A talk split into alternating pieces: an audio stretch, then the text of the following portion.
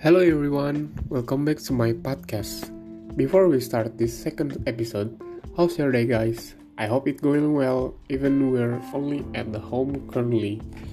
In this pandemic condition which only allow us to meet online, I hope this pandemic will end a very soon. And to be honest, I'm very bored at home.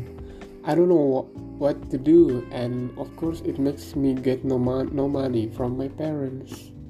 Recently, there was the news that the able to take everybody attention from the pandemic problems to be focused on this one news. This news came from the Indonesian government, where they recently passed the omnibus law, where the law has drawn enormous controversy from among uh, the community, especially workers and laborers. It because the regulation contained in the law are considered to only benefit investors and business owners, while the rights of work and labor are often removed and considered inhuman, such as the elimination of holiday rights, permanent employee status is eliminated from becoming a contract employee, minimum paid are removed from daily hourly paid, and holidays for women who are pregnant or recently given birth are eliminated.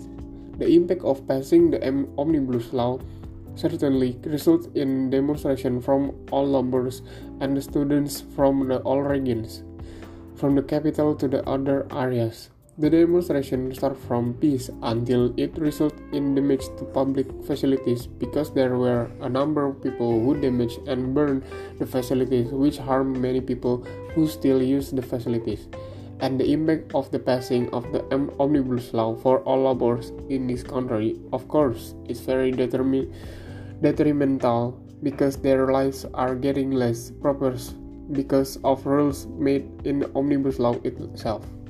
However, in my opinions, who have only observed this incident from social media, there's a lot of controversy about the ratification of the omnibus law because some say that the point they have been worrying about so far just hoax made by people who just want to destroy this country.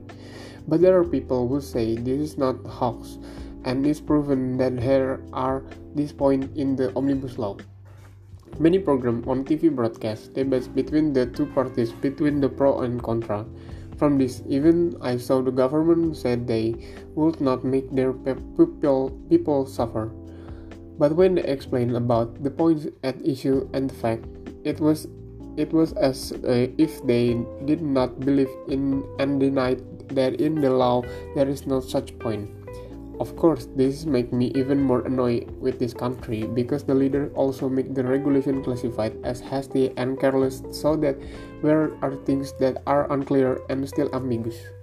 But other than that, we still need to hope that there is still a way of the good, good all of Indonesian people, especially the workers and who have worked hard to help build this country. As long as President Jokowi does not sign it, we, we still have the right to express our aspiration for rejection of these matters, which is burdensome to the whole society in an orderly manner. But we also we but we must also pray that this pandemic will end quickly so that we can turn to our new normal activities. That's all from me. See you next episode. Happy weekend.